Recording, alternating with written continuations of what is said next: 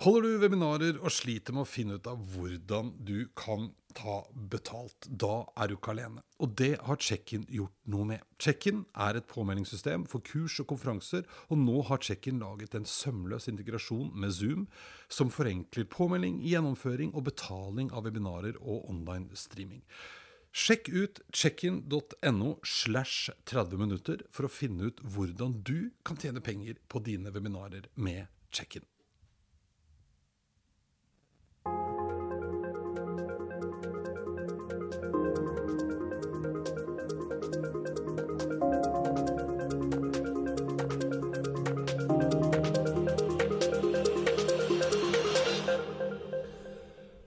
Kan man konvertere samfunnsproblemer til forretningsmuligheter? Det var en av de tingene som Preben Karlsen og jeg snakket om tidligere i år. Da hadde jeg besøk av Preben, og han fortalte om hvordan han jobbet med å sette sammen de riktige folka, hvordan det var om å gjøre å ta tak i viktige, store samfunnsproblemer, og se om ikke man også kunne skape business ut av det, i tillegg til å bidra til noe positivt for samfunnet. Dette er altså et gjenhør med denne episoden. Preben og jeg snakker om nye, spennende muligheter. Dette er 30 minutter inn i fremtiden, og jeg er Eirik Normann Hansen. Hei, Preben. Hallo. Hallo, ja. Velkommen tilbake. Takk. Ja, Hyggelig å se deg en tidlig høst. Men er ikke så tidlig lenger heller, egentlig. Nei, det begynner å bli midt på dagen. Midt på dagen, faktisk. Sol, kaldt, Sol høst. og kaldt og høst, men det er ganske deilig, da. Ja. Tross alt. Skal vi se på sette på klokka. Men uh, du, vet du hva? Du er jo en fyr som har gjort mye og holder på mye forskjellig. Uh, har vært på en ganske skal vi kalle det for noe? Det er vel en uh, mangefasettert reise? Det kan du godt si. Ja, ja, men hva er du opptatt av om dagen? Hva driver du med om dagen? Uh, du, jeg jobber med å uh, prøve så godt jeg kan å, konvertere samfunnsproblemer til eh, nye muligheter, som jeg kaller det. Forretningsmuligheter, først og fremst. Eh, jobber i partnerskap med andre på alt jeg gjør, sånn at eh, det blir mye kraft i de ulike konseptene. Og så jobber jeg med teknologi som en del av løsningen. Og det driver jeg med, med nede i et lite selskap som heter Sandkassa. Hvor jeg Sandkassa. sitter og, og graver.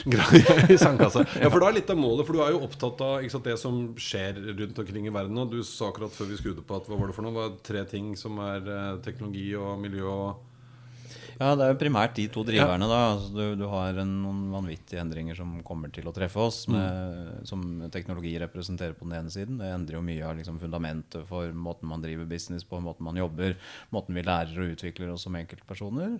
Og så har du klima på den andre siden, som, eh, som representerer noen vanvittig store utfordringer for, for hele planeten og alle oss enkeltmennesker. Eh, samtidig som det representerer noen vanvittig spennende forretningsmuligheter. Eh, og det siste syns jeg er spennende å fokusere på. Når man først jobber i et problemlandskap, så må du nesten se mulighetene inni der for å, for å se noe lys i tunnelen. Noe lys i tunnelen. Ja, ja. ja, for det er, akkurat nå er det jo veldig veldig fokus på det, men det er jo bra, eh, tross alt. Da, for vi har jo noen utfordringer å ta tak i. Vi har det. Eh, Det er ikke store deler av, dagens liksom, forretningsmodeller som er bærekraftige. Det er nesten ingen. Mm. Så vi må redefinere et helt næringsliv. Og vi må redefinere hele liksom, politikken og styringsformene våre. Og vi må redefinere hvordan vi som enkeltmennesker lever livene våre og forbruker ting. Eh, Så det er noen eh, relativt store oppgaver vi har foran oss. Eh, Det fine som skjer nå om dagen, er jo at det begynner å bli et enormt fokus på dette. Sånn at momentumet er i ferd med å, å sette seg, og da kommer ofte handlingene i kjølvannet av det i større grad. Så det blir noen spennende år fremover nå. Men, men så, så når du holder på i sandkassa di, der prøver du å definere utfordringer og, og som du sa, få med deg partnere. Den måten å jobbe på er vel også ganske spennende og begynt å liksom bli et, en slags ting?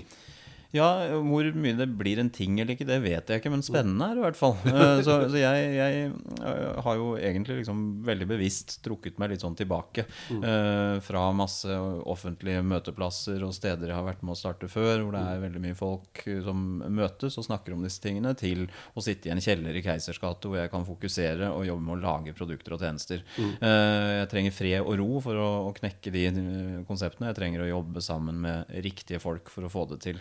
Uh, utrolig spennende med en stor grad av frihet når man jobber med den type innovasjon. Uh, ikke ha masse ansatte som trenger lønninger, og man må tjene penger og selge tjenestene til hele tiden. Men uh, primært liksom kunne tenke nytt, annerledes, bruke tid i tidlig fase.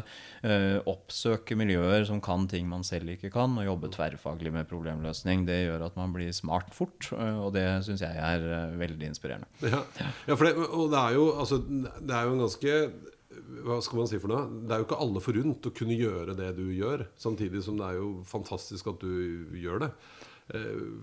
Eh, for du må jo ha muligheten til det. Man skal jo tjene litt penger også, liksom. Det er klart det. Og det, det er Jeg har hatt en kjempeluksus jeg, i en mm. del år mm. hvor jeg har uh, gått ut av Trigger, som jeg var med å starte. Uh, hatt en, en, økonomisk situasjon som har gjort at jeg kan, kan prioritere og lære og teste og feile og prøve på'n igjen og holde på.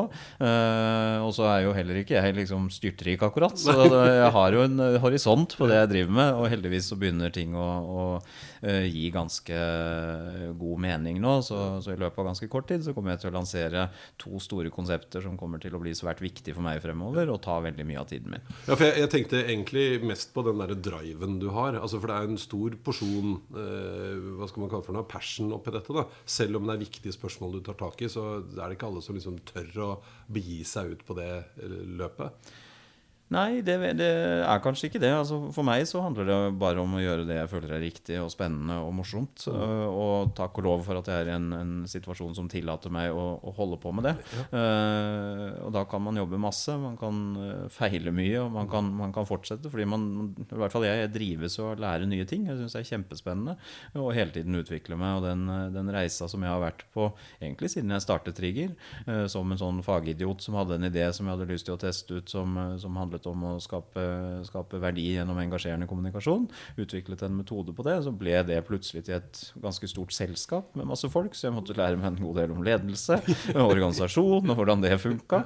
Og så begynte vi å innovere inni der også, og mm. spant ut en del nye selskaper som har vært veldig lærerikt i forhold til liksom forretningsmodeller og strukturer og mennesker, og hvordan man responderer på nye ting og alt mm. dette. Mm. Og nå så, så er jeg på en måte helt for meg selv og jobber bare i partnerskap med masse fantastisk flinke folk som kan helt andre ting enn meg, og det, det liker jeg godt. Ja. Men det, det, partnerskapet, er det bedrifter, eller er det også bare enkeltpersoner? Det er begge deler. Ja. Eh, jeg er mest opptatt av, av, miljøer som eh, representerer kunnskap og kompetanse som, som jeg ikke har selv, mm. Eh, men selvsagt veldig opptatt av at de riktige menneskene i de bedriftene er involvert. Ja.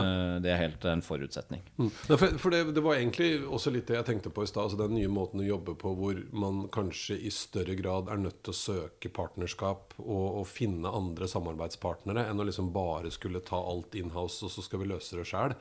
Mm. Ja, jeg, jeg, tror det. Altså, de store etablerte selskapene er konstruert for å levere på de produktene og tjenestene de produserer i dag. Mm. De har en fungerende forretningsmodell som, som de er rigget rundt. Mm. Uh, og det å gå bort ifra den og klare å innovere for å, å møte helt andre utfordringer fremover, det er kjempekrevende krevende i egen organisasjon. Insentivordningene er mm. ikke rigget for det. Kulturen er ikke rigget for det. Kompetansen er ikke rigget for det. Mm. Uh, og da er det jo lettere å alliere seg med aktører på utsida og eksperimentere og leke og, og teste og lære. Uh, og kanskje gradvis bygge noen nye bein å stå på. Ja, for det, nå, nå kommer vi liksom inn på noe som jeg også syns er litt interessant. Altså, den gamle måten å drive business på står vel på mange områder litt for fall, er ikke det det heter? Eh, vi er nødt til å tenke nytt der også. Det er ikke bare problemene vi skal løse, men det er måten vi, vi driver ting på også. Det er klart det. Eh, når eh, kravene endrer seg i verden rundt oss, mm. så er vi nødt til å respondere på det som, som organisasjoner. Og nå er det mange ting som endrer seg på en gang. Det ene er jo teknologien, som, som, stiller helt nye krav til hvordan man faktisk driver virksomheten sin. Hvordan man forholder seg til data. Hvordan man, man jobber med å skru og innovere og utvikle seg hver eneste dag, istedenfor liksom det gamle, gode årshjulet, Mm. eh, som var mye mer behagelig, eh, men, men som ikke fungerer så godt lenger, eh, til, til helt nye forretningsmodeller og startup som popper opp og, og leverer ting på en så skalerbar modell at, at man ikke har kjangs til å konkurrere med den legacyen man har med seg. ikke sant? Eh, og så har du selvfølgelig klima og, og alt det innebærer, som gjør at myndighetene begynner å skru igjen. Det kommer mer pisk fremover, ikke bare gulrøtter. eh, og da blir det dyrt å være dårlig. Eh, og, og selvfølgelig også forbrukere, eh, som begynner å stille krav, og velge de gode selskapene. De som bidrar med noe mer enn å, levere et godt produkt, for det er det mange som kan gjøre. Og selvfølgelig også talentene, som skal velge arbeidsplasser, hvor stadig flere undersøkelser tyder på at de gidder ikke å jobbe for de som bidrar til et negativt regnestykke hva gjelder samfunn og, og klima. De vil jobbe for de gode. Mm. så det lønner seg å være på den gode, gode siden, er det mye som tyder på. Og det er jo veldig bra for, eh, for alle, Ja, ja, ja, ja. For det, akkurat det, Jeg har jo hatt mye gjester, mange gjester på besøk her. Og nesten alle de som driver, enten det er stor eller liten bedrift, forteller det nå. At når de skal rekruttere folk, så er de ikke bare opptatt av liksom lønn og de der vanlige godene. Det er litt sånn given. Det man er opptatt av nå, er hva bidrar denne bedriften med mm. utover? Hva skal jeg være med på? Liksom? Hvilken reise skal jeg være med på? Eh, Når du drev Trigger, eh, og du har vel starta et par andre ting også etter det som involverer litt folk, mm. opplever du at det er forskjell? Altså endring på folks krav og ønsker? Ja, ja, definitivt. Og jeg vil jo si det var mye av det som preget den utviklingen vi hadde i Trigger også, egentlig, helt fra starten. Eh, hvor vi begynte med en ganske enkel idé som handlet om å engasjere folk gjennom kommunikasjon. De skulle aktivt ta del i ting. eh, og litt sånn flåsete sagt skulle vi gjøre reklame litt mindre pushy og kjipt. Litt mer gøyalt og underholdende. Eh, og så utviklet det seg gradvis etter hvert som, som verden utviklet seg. Vi utviklet oss som byrå. Vi jobbet mer med strategi, mer med posisjoneringsaktiviteter. Og vi så at eh, det å finne en eller annen mening her i verden og, bety noe, ikke bare prate, men gå ut og faktisk gjøre noe som er bra for målgruppen din, det gjør at du posisjonerer deg mer effektivt. Så vi begynte jo da å utvikle strategier og verktøy for hvordan kundene våre kunne gjøre det. Eh, og det har jeg på en måte tatt videre nå inn i forretningsutvikling og, og selskapsbygging. Da. Eh, hvor jeg er veldig opptatt av å levere overskudd da, på fire nivåer som vi hele tiden snakker om. Det skal leveres på enkeltmennesker, og det handler om eh, enkle gode produkter. Eh, basicen der, liksom. Vi skal ikke gå på akkord med brukeropplevelsen bare fordi man skal levere på, på flere områder. Eh, men det må vi begynne med, enkeltmenneskene. Og så er det samfunnsdimensjonen dette må henge sammen med.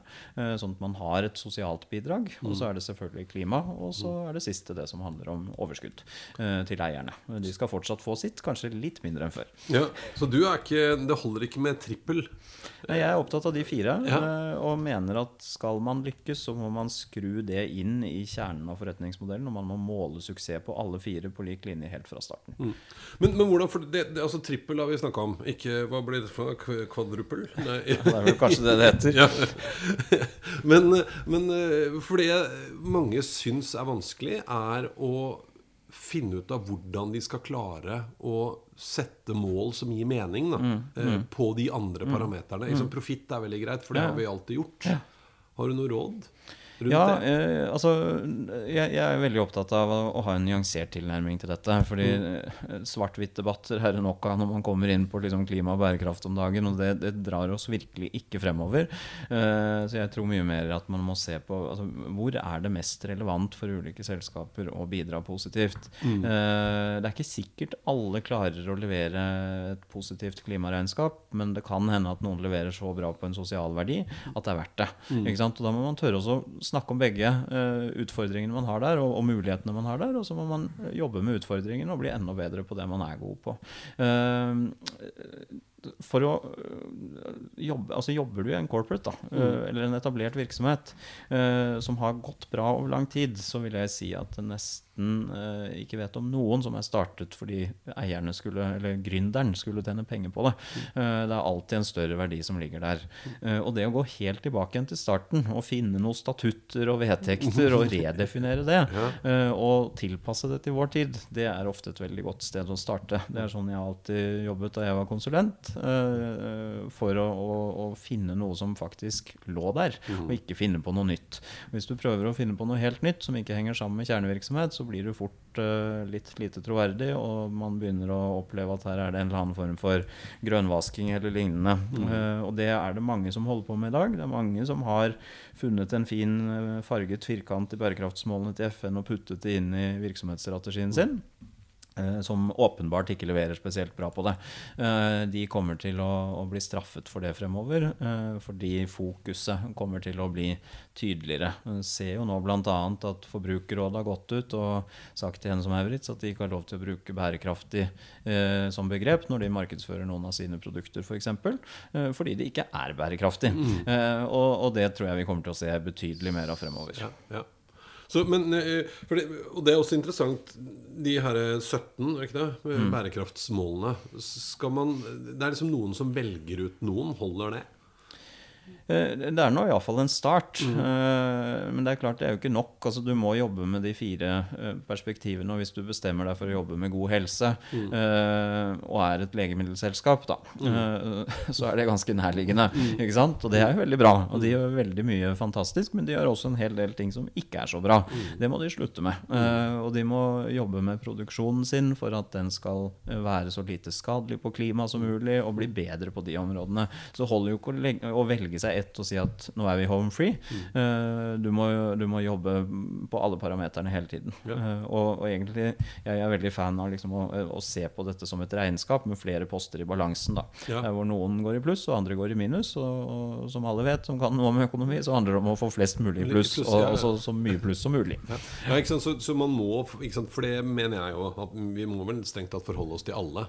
Og så er det kanskje noen vi kan gjøre mer med enn andre. Ja, ja. Uh, Ta No Isolation, et selskap jeg kjenner godt, som mm. har jobbet med å utvikle teknologi for å hjelpe mennesker som er ensomme. Uh, ja, for det er den lille robothodet som mange har sett, ikke sant? Ja, blant annet den. Uh, de har jo en veldig uh, sterk misjon, egentlig. De skal jobbe for å, utrydde ensomhet i verden. og ekstremt gode på det sosiale.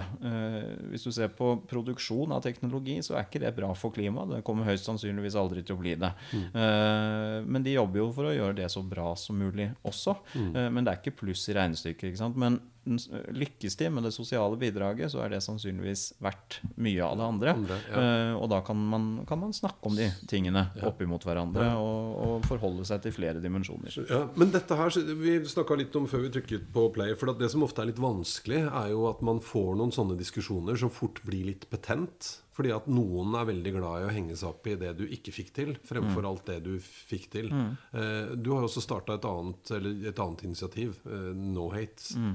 Eh, fortell litt om det. Ja, eh, det, det, er en eh, organisasjon som jobber for å bekjempe netthat på fulltid. Som, mm. Eh, som vi startet opp i fjor sommer, og, og, som i løpet av veldig kort tid egentlig har blitt ganske kraftfull. Mm. Involvert over 36 organisasjoner i å bekjempe netthat. Fått med statsminister og andre mm. på frontinitiativet og levert en hel del produkter mm. som kan bidra aktivt. Bl.a. Et, et filter som skal snappe opp en del ord og uttrykk, og gi mm. avsenderne av de ord og uttrykkene som da ikke er spesielt fine. Mm. Uh, en liten heads up på liksom, er du sikker på at du har lyst til å dele denne meldingen. Tenk deg om litt. Uh, og det ser vi at fungerer, så det, det er jo fint. Uh, dette er et initiativ som vi har jobbet med over lang lang tid. Og, og sammen med veldig mange mennesker. Det ble en slags dugnadsinitiativ som kom litt sånn ut av det blå, egentlig. Der hvor mange mennesker responderte på en Facebook-post jeg la ut, uh, og ville være med å bekjempe dette problemet i kjølvannet av en sterk sak i A-magasinet 22.07. Mm. Uh, og om de som overlevde terrorangrepene der på Utøya og, og mm. ble utsatt for netthat av en eller annen merkelig grunn. De har jo ikke gjort noe galt, de har mm. blitt utsatt for terror. Vi burde jo ha masse sympati med dem, men det har tydeligvis ikke stor, store deler av internett. Så det, det opprørte meg. Mm. Uh, og så var det da en eh, gjeng som tok kontakt, 120 stykker. Mm. og det, da satt jo jeg og lurte litt på hva jeg skulle gjøre med alle de menneskene.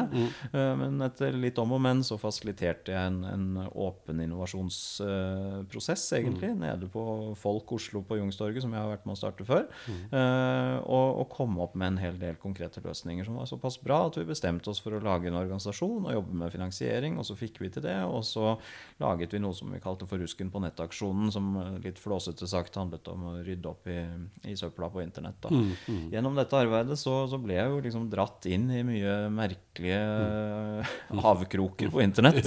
Eh, og du begynner å for- forstå litt da, om, om hvordan algoritmer bidrar til å polarisere, Mm. eh, skape meningsfellesskap, som jeg liker å kalle det, der Mm. man, man omgås stort sett mennesker som har samme oppfatning som deg selv. De deler bare fakta som er med å supportere deres eh, livssyn. Mm. og algoritmene forsterker jo alt dette, sånn at man får en ekstremt eh, endimensjonal oppfatning av virkelighetene. Og det, dette gjelder på alle sider av den politiske skalaen. Eh, i tillegg så blir det en retorikk som foregår der som er ganske drøy. Eh, Fordi alle er egentlig enige, så skal du bli hørt, så må du liksom trykke inn capslocken og dra til skikkelig. ikke sant? Ja, Eh, og så har man sånne uh, sammenstøt, hvis man skal kalle det det, som man ser nå i kjølvannet av Greta Thunberg sin tale f.eks. Hvordan de ulike liksom, gruppene barker sammen Mm. og diskuterer på en måte som bare er støy. Ja. Det er bare følelser. Det er ikke faktabasert. Man diskuterer eh, absolutt ikke sakens kjerne på en måte som gjør at man blir klokere. Mm. Det er veldig skummelt, mener jeg, da, for da klarer vi jo ikke å snakke sammen om de største og vanskeligste problemene i, i vår tid. Eh, Og det bremser viktig innovasjon og utvikling. Så vi er nødt til å, å finne en ny måte å snakke sammen på mm. for å komme videre. Eh, For de problemene vi snakker om nå, de, de griper over alle former for liksom politiske eh, standpunkter og, og synspunkter og meninger. Eh, og, og alle må være med, på sett og vis. Så, så dette er kjempeviktig og utrolig krevende. For eh, etter mitt syn så sitter ikke eh, noen i Norge, inkludert myndighetene, på, på virkemidler som gjør eh, oss i stand til å håndtere den type demokratiske infrastruktur som Facebook og, og Google og, og Twitter og sånn har blitt. Det er det noen eh, veldig få selskaper borte i Silicon Valley som bestemmer for oss. Eh, og sånn syns jeg ikke vi kan ha det. Eh, så der må vi også tenke annerledes i forhold til hva vi har i verktøykassa vår. Eh, ja. Og det er ikke så lett. Nei, nei, for det, det var egentlig det du sa nå, sa du alt det jeg hadde tenkt å spørre om. Men for det, det er vel noe med at en ting er liksom de her forferdelig tragiske Altså rundt sånn 22. juli-type ting.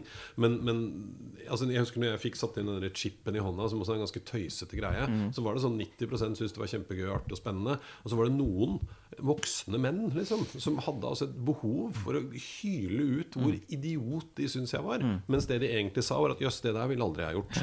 Uh, Så det er noe med den capslocken, og at det stopper annen utvikling.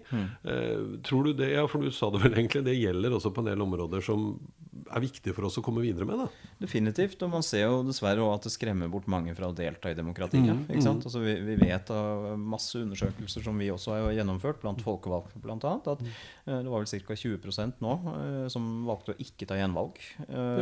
til kommunevalget fordi de ikke orket å bli utsatt for mer eh, drit på internett. Eh, vi vet at eh, unge mennesker velger det bort. Vi vet at det er veldig mange som tier om viktige ting. Man styrer aktivt unna debatter om innvandring, klima, eh, seksuell orientering, eh, fordi man, man vet hva som venter i kommentarfeltene. Og da har vi et haltende demokrati. Eh, og, og, så det, det er ekstremt viktig å få gjort noe med det. Eh, og for meg var det ganske sterkt da, da Erna Solberg sa det på den Rusken på nett-åpningen vår. eh, at Internett har blitt litt råttent. Uh, hun var et helt annet sted for ganske få år siden og snakket om Facebook som uh, en ekstremt positiv uh, arena eh, for å møtes og være sammen og sånt. Men det har skjedd noe de siste årene som er, det er litt ute av kontroll akkurat nå, så vi må jobbe for å ta det tilbake. Ja, ja absolutt. Nei, men så, så disse tingene henger jo definitivt sammen, og du pirker liksom borti alle sammen. Er det andre ting som du nevnte før vi trykka på play, holdt jeg på å si? Det gjorde vi ikke. Opptak, heter det. Det er mye lurere. Eh, også så Man har jo skyhøye forventninger ofte til teknologi. Eh, og så tar det ofte litt lengre tid eh, enn det man Ja, ja. håper og tror. Ja. Og det, det, er et veldig viktig poeng, da, tenker jeg. Eh, at disse endringene som kommer, eh, de kommer kanskje ikke så fort som man hadde tenkt. Det har i hvert fall jeg opplevd mange ganger. Jeg sitter liksom og lurer på hvor, hvor blir det av alt det fantastiske som AI skal gjøre for meg, eller alt det skumle AI skal gjøre mot oss. Eh, litt avhengig av hvordan man ser på det. Og, og jeg, jeg, tror det er, det er, flere grunner til det. Det ene er teknologien i seg selv. Det tar tid tid å utvikle og modne og skalere den ordentlig, mm. sånn at det blir kraftfullt nok, så klart. Uh, men den største utfordringen er nok heller at, at uh, det er mye motstand i oss mm. mennesker og de organisasjonene vi på en måte har skapt mot ting som utfordrer det etablerte. Mm. Uh, så det tar tid før du får ordentlig fotfeste. Men når du får ordentlig fotfeste, da går det fort. Det går fort ja. Og, og det, er, det, er, noe med det der å, å, være på ballen når de togene liksom begynner å rulle skikkelig av gårde. Uh, som er helt avgjørende. Hvis ikke så er du utkonkurrert veldig veldig fort, veldig fort tror jeg da. Ja. Men, uh, men, det der å, å, ha litt tålmodighet i den der tidligfasen vi fortsatt er i, da. Mm. Det skjer jo enormt mye. Men uh, vi har kanskje ikke sett liksom store revolusjonen på AI som har vært snakket om nå i de siste par-tre årene. Uh, men den kommer nok. Og når den kommer, så kommer den som en kule. Nettopp. Ja. Er ikke dette litt av det kom jeg på nå? Jeg leste en slags sånn forklaring på Altså Vi mennesker er jo opplært til at ting har vært ganske lineært mm. fram til nå. Mm. Og det har vært veldig forutsigbart. Og man mm. klarer liksom å gjette på at ok, til neste år så er det litt fortere og litt bedre. Mens den, den eksponentielle utviklingen den utvikler seg først litt for sakte. Så mm. vi blir litt utålmodige. Ja. Og så når den kommer kommer, så kommer den som en kule. Yep. Ja. Og er det ikke Var det Bill Gates sa, tror, som sa det samme som du sier? At uh, ting, forventningene til uh, ny teknologi er skyhøye, men det tar ofte lengre tid. Men når de først treffer, så treffer det med voldsom kraft. Det er mm. mye større kraft mm. enn man trodde. Mm. Ja, det er, det, er, mange mye klokere mennesker enn meg som har, har sagt mye av det samme. Så, så det, det, og det, er jo som du sier, altså den eksponentielle utviklingstakten som egentlig vi mennesker ikke er skapt for å forstå. forstå ikke sant? Ja, ja. Fordi vår logikk er jo skapt på basis av det vi har opplevd før. Mm. Uh, og der kan vi jo ganske enkelt se liksom en stein etter den neste, og så fortsetter det. Mm. Uh, så, så, du ser liksom en tydelig utvikling, og plutselig så er det bare noe som skyter rett opp ved siden av oss. Vi, ah, hva traff oss? Ja, uh, og det, det, kan man jo føle litt på, på selv innimellom, men det, det som er veldig viktig er at man er rigget for å være med på den reisa når ja. den treffer. Da. Så det er jo den hockeystick-effekten. ikke sant? Så det, det, å, det, å, ikke sitte igjen nede på liksom skaftet der, skaftet. eller bladet, eller hva det heter. heter. Ja, kommer an på hvilken ja. vei ja, nei, det, og, så handler det vel litt om Jeg leste en artikkel her som jeg nå selvfølgelig ikke husker hvem det var som skrev, men at vi må passe på at vi ikke bare tror at teknologien skal ordne alt. Eh, det kommer noen til å fikse, men at mm. vi faktisk må være med og dytte litt, som du sier, Åne. Mm. Uh, ja. Eh, altså hvis man, jeg, jeg, er jo veldig opptatt av, av klima for tiden, uh, og har blitt det mer og mer, som mm. mange andre rundt meg. Og jeg merker jo at uh, jeg syns det er eh, naivt å, å, å, bare si at teknologien fikser det. Ja. Det er ikke noe stress. Uh, hvis du ser på den utviklingen vi har hatt, og sammenhenger mellom økonomisk vekst, teknologisk utvikling og utslipp, mm. så er det mye som tyder på at teknologien er skylda. Mm.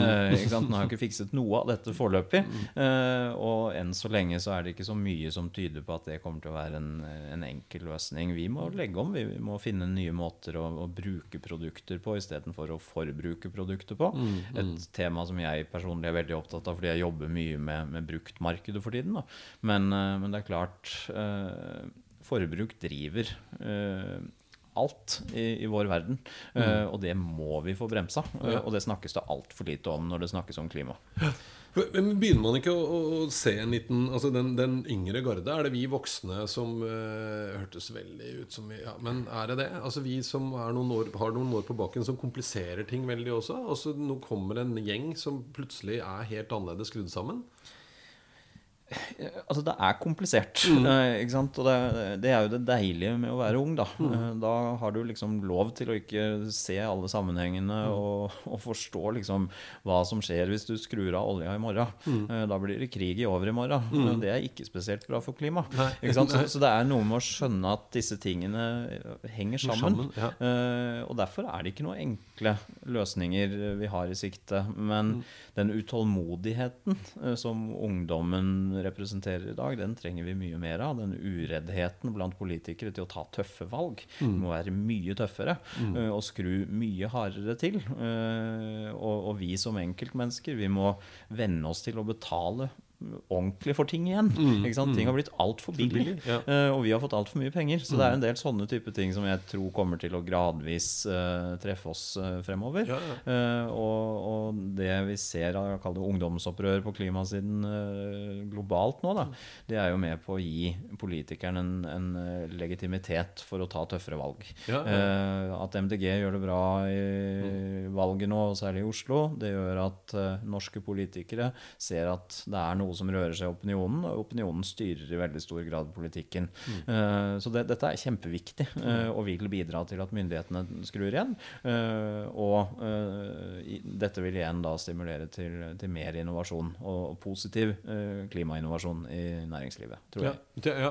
ja, ja, for det er jo altså, sånn, Nå er det sportsbransjen som sliter liksom veldig om dagen. Mm. Jeg vil jo tro at hvis halvparten av alle de som engasjerer seg veldig i miljøet nå, kjøpte én genser mindre i måneden, så får det ganske stor betydning Klart for eh, retail-verdenen. Ja, klart det. Og det, det er jo det som gjør dette veldig komplisert. ikke sant? Og det er derfor sånn, altså Den bruk-og-kast-økonomien som vi har bygget opp gjennom mange mange år, den må vi ut av. Vi må over i mer sirkulære modeller, der hvor du abonnerer på ting ø, og tjenester. Så ting blir til tjenester.